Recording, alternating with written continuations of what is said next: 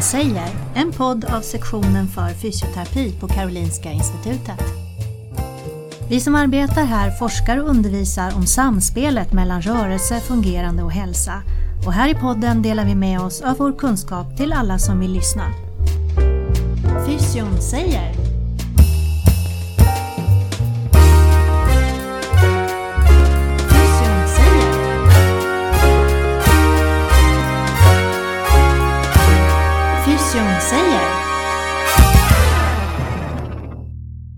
Hej! Dagens podd idag kommer att handla om hur man förflyttar sig eller tekniken att förflytta sig i vardagen. Eh, jag som befinner mig här i studion är Anette Heine. Och jag heter Wim Groting, jag är också här. Bra, välkommen Wim! Vi är båda två docenter och forskare. Jag sysslar med idrottsmedicin och Wim, vad pysslar du med? Ja, mycket undervisning eh, men eh, mycket biomekanik så det blir intressant med förflyttningsteknik här. Och till studien har vi fått idag Kristina Kindblom som är disputerad lärare här på Karolinska Institutet vid sektionen för fysioterapi. Men hon är också professor i Indien på Pravada Institute of Medical Sciences. Välkommen Kristina! Tack så jättemycket. Det här ska verkligen bli spännande. Ja, det tycker vi också. Ja, Vill du berätta lite grann mer om dig själv än den här korta presentationen om vad, hur, vad du gör egentligen i din profession? Jag har ju ett stort intresse just för eh, det där tysta och hur man rör sig och varför det är så osynligt. Ja men allt det där som går med automatik och sen när man blir sjuk så bryts alltihopa. Så det är mitt fokus kan man säga. Eh, och eh, jag har också haft med mig genom hela min, mitt yrkesverksamma liv har jag haft med mig hur kan man göra människor mer självständiga? Eh, vad, vad är det som krävs för att jag ska dela med mig av den kunskap jag har? Jag har ju en terapeutisk kompetens i basal kroppskännedom. Jag undrar också lite grann Kristina, och Indien, hur, hur kom det in i sammanhanget och vad gör du där nere? Ja, jag var ju inskriven, eller jag, under min doktorandtid så satt jag mycket på den internationella avdelningen på Karolinska, ICAR. Eh, och där blev jag ju inspirerad av alla människor som kom från olika delar av världen.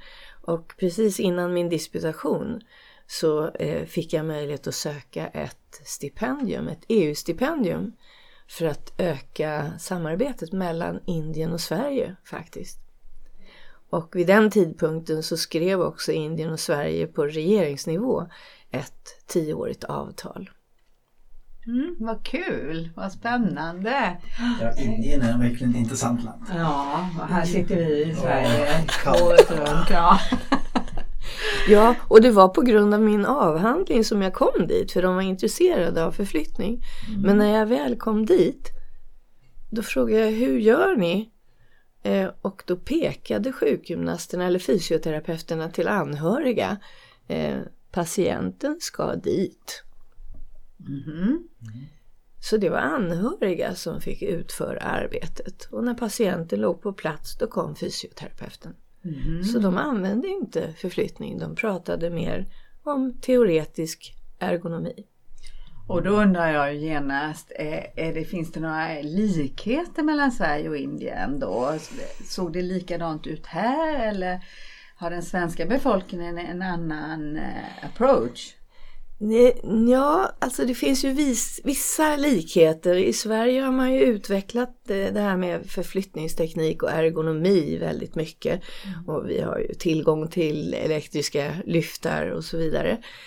Men eh, när det gäller den här tysta kunskapen, hur vi rör oss, då var det på samma nivå. Man är eh, ganska omedveten om eh, rörelser. De sker ju med automatik så man behöver ju inte tänka på det. Men inte när man är sjuk. När man blir sjuk eller om man skadar sig, då bryts den här automatiken. Och det gör att man blir ställd. För då har man ju inte tänkt på hur man gjorde innan. Och därför behöver ju människor i sjukvården hjälp av personal som kan guida dem hur de gjorde innan de blev sjuka. Men om personalen inte vet det, då har de inget annat val än att använda förflyttningsteknik. Och det är ju grunden, tänker jag, eller en av orsakerna att man lyfter för mycket eller flyttar människor för mycket på ett passivt sätt. För man vet inte vad man ska säga.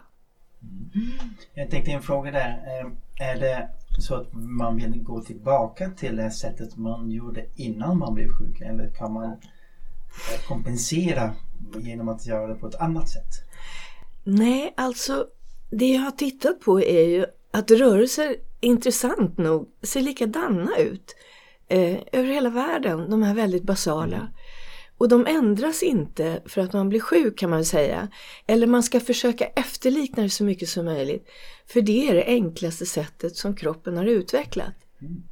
Om man då kan underlätta och fokusera på vissa saker så kan man bli mer medveten. Och blir man mer medveten då kan man sätta ord till det där och då kan man eh, översätta rörelser till instruktioner och minska den fysiska kraften och öka den kommunikativa eller verbala. Och på så vis kanske underlätta. Mm. Jag menar för oss som sitter här i studion, det här med tyst kunskap och göra en podd. Ja, det blir inget bra radio. Nej, det, det är en, ut, en utmaning Ja. ja. för oss alla tre kanske. Men, men Ja. lite grann vad jag funderade på eh, Kristina är, skulle du kunna ge ett praktiskt exempel på det du säger så att både Wim och jag förstår Ja. men också att våra lyssnare förstår vad som, vad, vad, vad som faktiskt menas med tyst kunskap och vad, vad du menar med tyst kunskap runt, runt förflyttning. Ett, Ja, ett enkelt Ja, ja, ja, ja, absolut. Och då kan man säga så här att den där tysta kunskapen den finns ju med i alla professioner och den är lite på sidan om. Den är i periferin till det man gör. Så att om man ska ställa sig och sätta sig eller hjälpa någon med det, då tänker man på själva rörelsen, förflyttningen. Från, om man ska ställa sig från ställa sig sittande till ställa sig eller från sätt, att flytta sig från en stol till en säng. Då är det den rörelsen som man, eller aktiviteten man fokuserar på. Vilka ord man använder eller vad man kommunicerar med sitt kroppsspråk. Det kommer lite på sidan och det är man inte uppmärksam på. Och det kan bli avgörande för om en människa kan flytta sig på egen hand eller inte. Så om man tar det som ett exempel från sittande till stående. Mm. Vad är det vi tidigare har sagt utan till exempel vara medveten om den tysta kunskapen Mm. och vad är det vi kanske borde säga? Ja, då tänker jag att språket är ju 20% i en kommunikation men ändå jätteviktigt vilka ord man väljer. Och kroppsdelarna som man ska fokusera på det är fötterna. Sen är det händerna. Och sen är det hur mycket man lutar sig fram.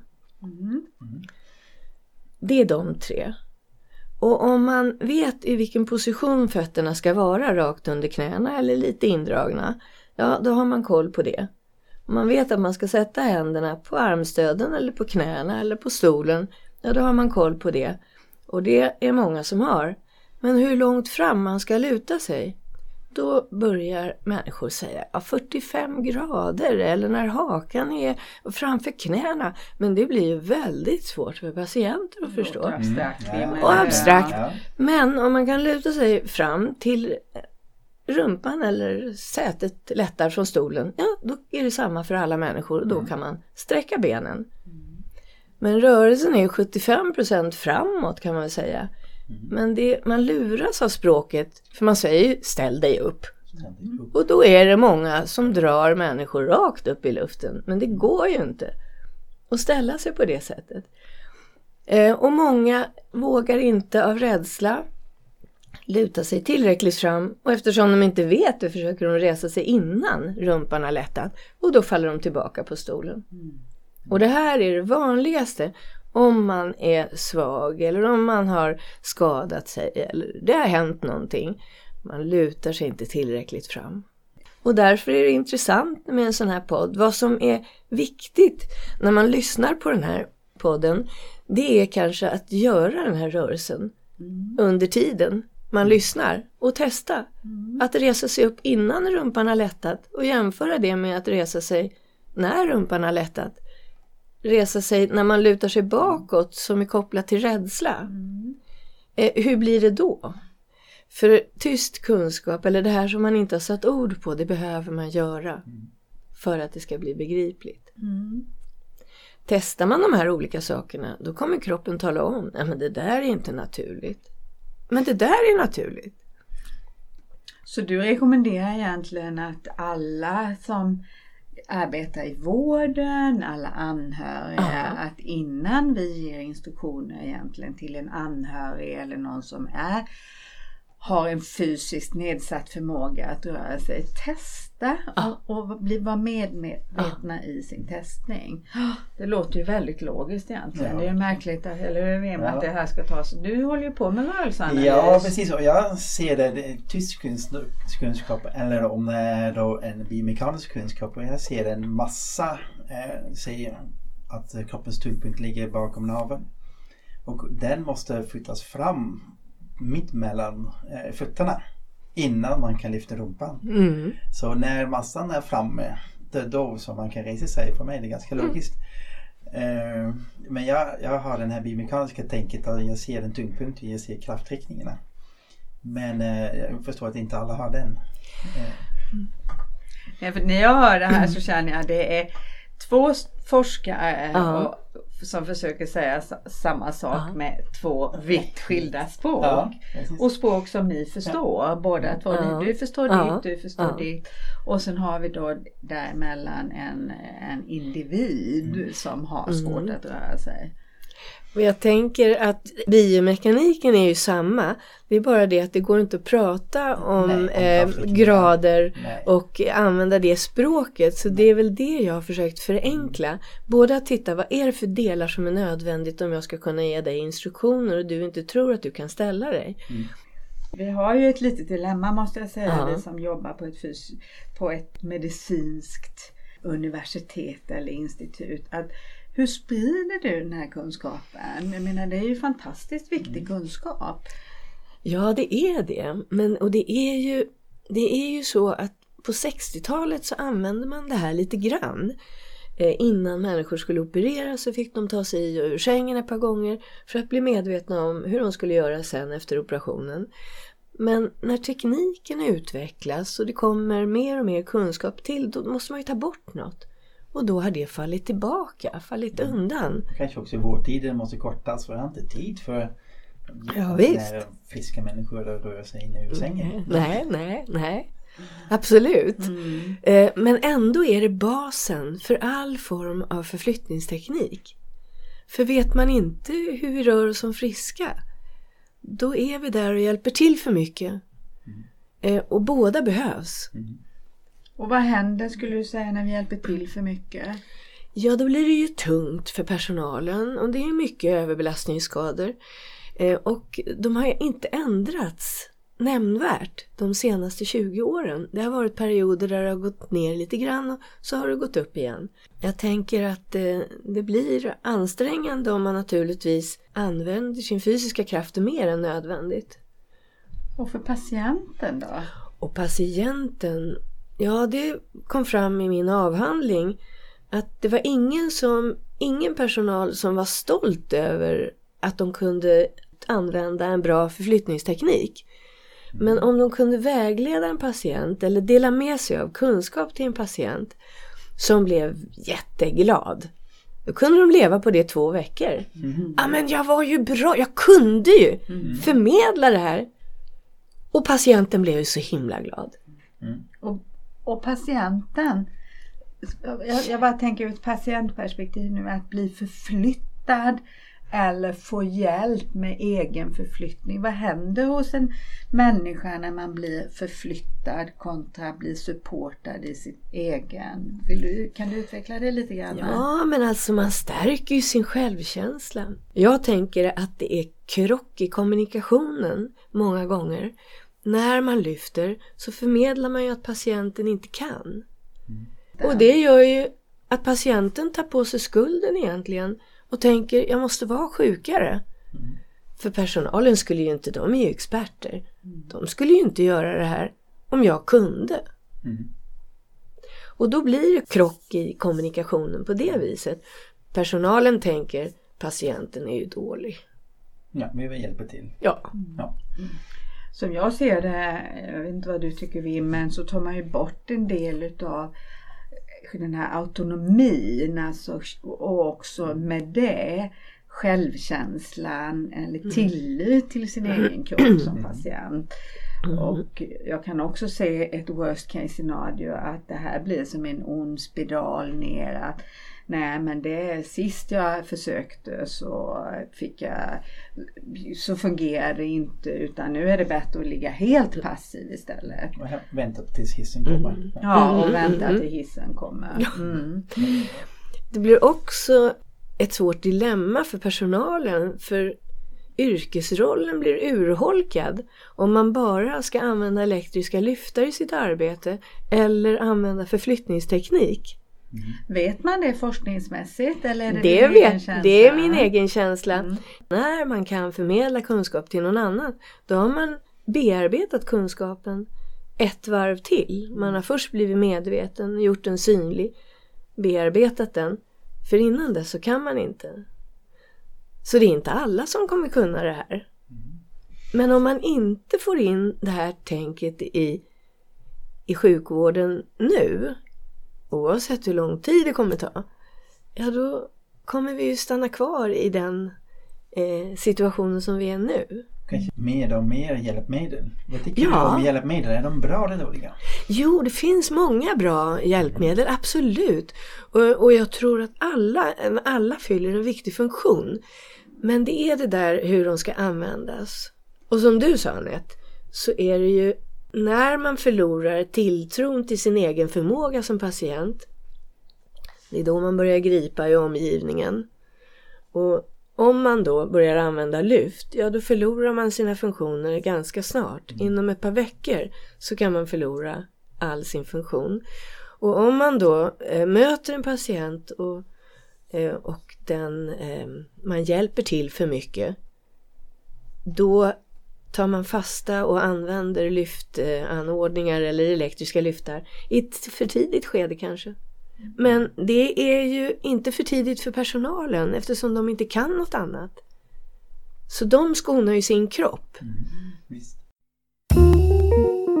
Vi välkomnar nytillkomna lyssnare till Fysion säger, en podd av sektionen för fysioterapi på Karolinska Institutet.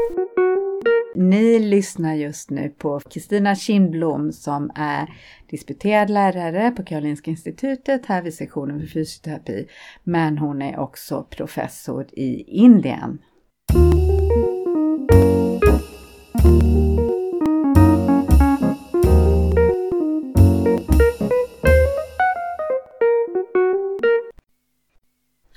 Så om du kommer ut på något, vi säger något äldreboende mm. nu och ska komma dit glad och taggad kanske man ska säga när det gäller då din, din vilja att överföra den här kunskapen på och så ska du ha en, en endagars kurs. Vad möts du av från personalen? Jo, eh, intressant nog är det ju att många blir glada. Eh, för den här traditionella utbildningen, den har de fått gå så många gånger att de har givit upp nästan. Och det är samma kurs som om och om igen eh, Vad menar du med traditionella utbildningar? Ja, det menar jag att man pratar om ryggraden, man pratar om arbetsställning och man pratar om förflyttningsteknik. Hur man ska kunna använda sin egen kropp för att hjälpa någon att flytta. Mm. Man räknar 1, 2, 3 och så flyttar man oftast från A till B, från en stol till en säng. Eh, blir det fel Så det däremellan? kan de där? Det är inte alla, och det, men många kan det också. Det ser lite olika ut. Men när de kommer och kan hö, får höra att de har den här tysta kunskapen i sin egen kropp, om de bara blir medvetna om den.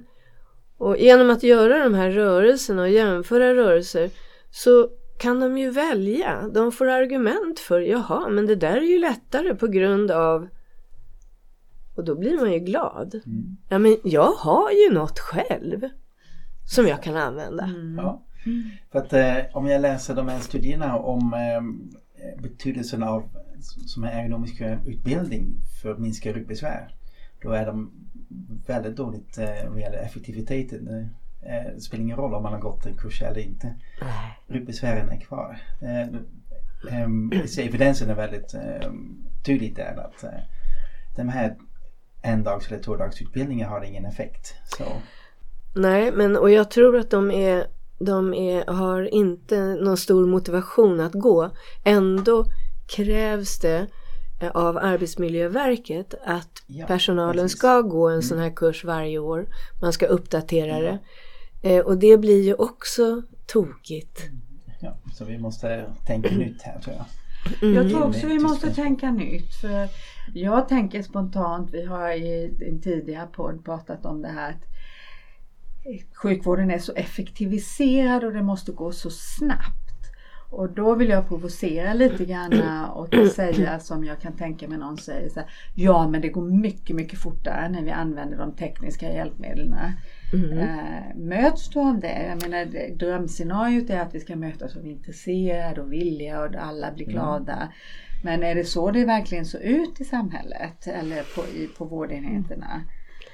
Vi ja. räknar pinnar nu, här ska det ja. gå fort. Ja, mm. och det är många som säger det och eh, det finns väl eh, kanske en liten aning sanning eftersom provar man något nytt så upplever man att det tar längre tid fast det egentligen kanske inte gör det. Den information som finns just nu, vårdhandboken och så, hur ja. tycker du att den fungerar? Ja, den är väl bra på ett sätt. Jag tycker att det är bra att det finns eh, en informationsbas eh, där, eh, så att det inte är väldigt många olika. Mm. Och det finns ju ett antal olika förflyttningsmetoder. Mm. Eh, så den förenar ändå människor i sjukvården, att man kan gå in och titta där. Eh, och 2007 eh, så tog man bort nästan alla bilder där personalen tog i patientens händer eller armar. Det tokiga var att man skrev inte varför man gjorde det.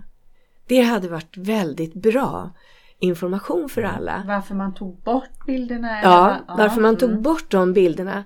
Eh, och min tanke är ju för att man ska inte ta i händer och armar. Och att vi har undervisat i det under många år. Mm. Underarmsgrepp, hälsningsgrepp. Ja, mm. väldigt många sådana grepp har vi undervisat i. Men det är alltid stabilare om patienten använder sina egna händer. Även om de inte kan ta i med dem så kan de balansera kroppen om händerna är på sidan mm. och inte framför kroppen. Mm. Spännande. Det låt, det, allt det här låter ju väldigt bra tycker jag och väldigt också fint för både de som jobbar i vården och också för patienterna. Men vi tänker nu att vi har lite patienter som lyssnar här. Mm. Eh, kan, hur ska de ta till sig det här i sin kanske ensamhet? Hur, och har du undrar jag också. Jag vet ju att du undervisar på både utbildning eller framförallt på olika utbildningar för vårdpersonal. Men har du patientundervisning också? Nej, faktiskt inte. Och det har efterfrågats. Ja, Varför finns det ingen mm. eh, direkt undervisning för oss patienter? Mm. Så det är verkligen någonting som man kan tänka på att utveckla. Mm. Eh, Och varför finns inte det då?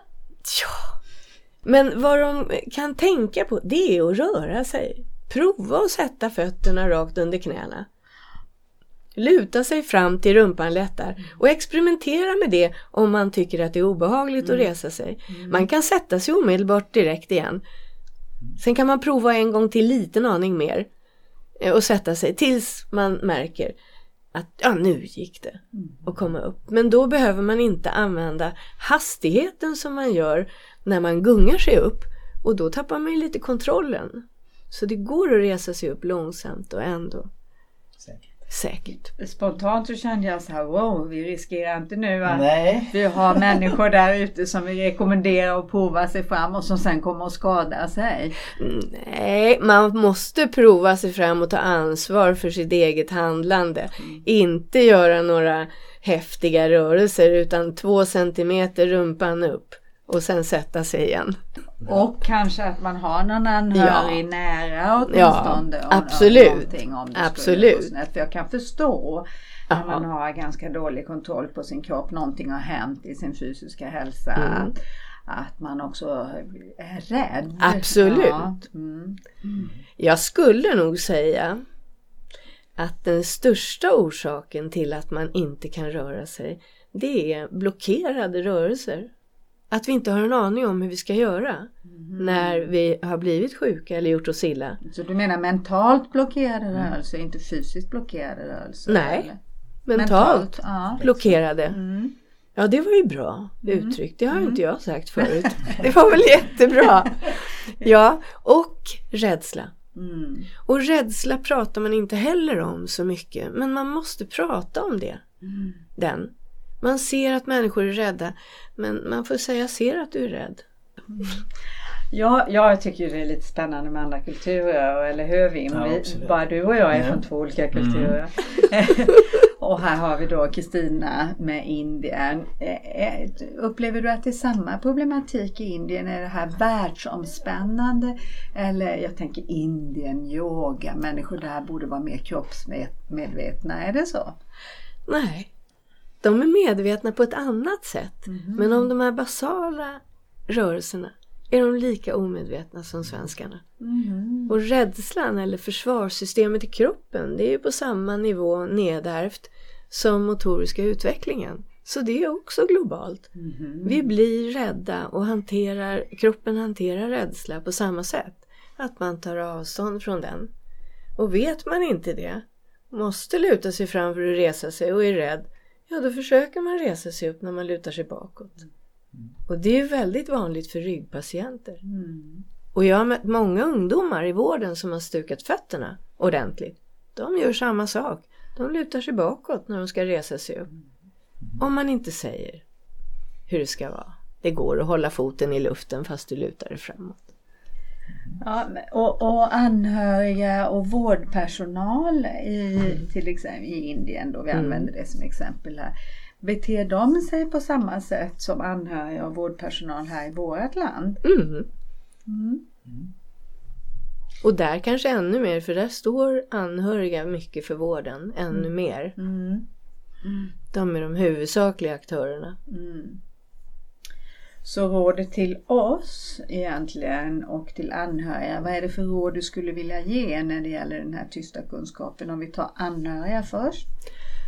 Ja, det är ju också att bli medvetna om sin egen rörelse. Prova att resa sig och sätta sig några gånger och prova att jämföra den rörelsen med att luta sig bakåt och resa sig. Som är kopplat till rädsla. Eller imitera känslan att vara jättetrött. Vad händer då? Då blir, börjar man använda armkraft mera. Om man imiterar känslan av att ha ont, ja då rör man sig väldigt mycket mer försiktigt. Det kan de prova. När de har fått koll på det, då kan de också hjälpa sina Mm. respektive. Om du skulle vilja ge ett väldigt viktigt budskap ut till vårdpersonal här. Ja, då skulle det ju vara att förmedla rörelser i små, små, små etapper. Då kan man göra fel utan att det är farligt. Och ta reda på hur en patient, hur, mycket en patient, hur patientens förmåga ser ut. Och det kan man bara göra genom att sätta personen i rörelse. Och vet man då att man ska sätta en hand ja, på armstöden eh, och luta sig fram, ja då kan man börja kolla hur mycket kan den här personen. Så att våga prova lite Ja. grann. Mm. Men riskfritt. Mm. Vi har en medarbetare från Sydafrika hos oss eh, och hans forskning handlar om eh, ryggmärgsskadade. Och eh, då har man eh, i Sydafrika är det väldigt många anhöriga som hjälper till. Det är väldigt, jag tror, mycket mer än i Sverige. Mm. Och eh, det var först en tanke som man hade att de var en tillgång till självständighet. För att ja, de hjälper till och så. Men efter en stund insåg han eh, att de var egentligen ett hinder för självständighet för att de gjorde för mycket. Eh, patienten lärde sig aldrig komma in ur sin, sin rullstol. Eh, och det tyckte jag var en intressant eh, tanke att här är det då en person som har starka armar men blir buren ändå. Så, mm. Eh, det var så, det är Sydafrikas perspektiv där. Mm. Och jag misstänker att det är samma i hela världen också. Att eh, anhöriga kanske gör lite för mycket. Ja, absolut. Och Indien ser det precis likadant ut eh, som i Afrika tror jag. För där är ju anhöriga, de är där och hjälper till och det är deras uppgift. Mm. Men det är också här hemma så har vi en tendens att vilja hjälpa.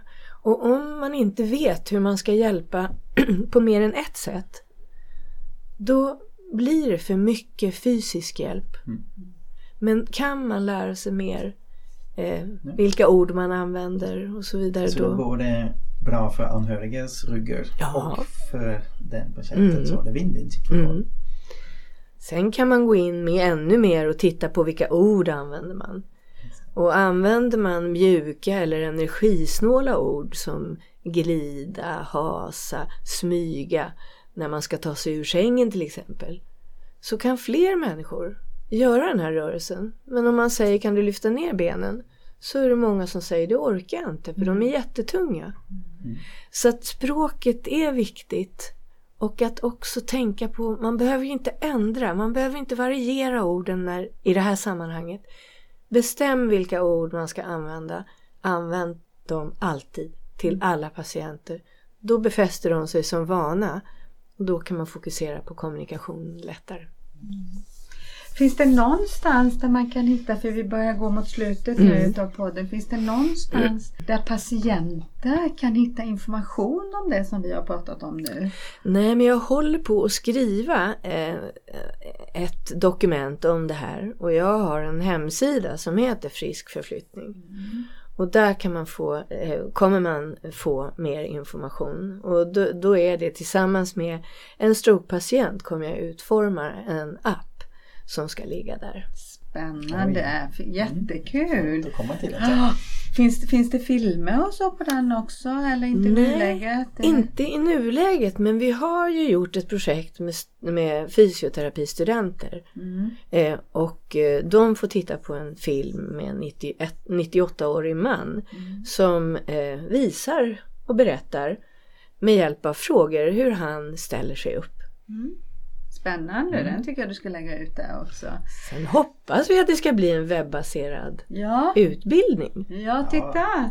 Och då kommer vi genast till, till egentligen Vim som min sista fråga. Jag vet inte, Vim kanske vill lägga till något. Men vad behöver göras i framtiden runt det här ämnet då? Ja, det kanske är en sån, för jag har ju gjort andra saker och inte så mycket forskning omkring det här efter min disputation. Mm. Och det är inte så Officiellt så vet jag inte om det är någon mer som håller i en sån här undervisning och vi behöver ju bli många fler mm. och då kanske en webbaserad utbildning kan förmedla både pedagogiken och tekniken um, så att fler kan få tillgång till den. Det hoppas vi ja, på Rim, eller hur? Stort tack att du kom hit till studion idag. Mm. Tack så mycket för att jag fick vara med. Tack. Tack. Idag har vi alltså lyssnat på Kristina Kindblom som har pratat om tyst kunskap framförallt runt förflyttning. Du har lyssnat till podden Fysion säger, en podd som sänds från sektionen för fysioterapi på Karolinska Institutet. Fysion säger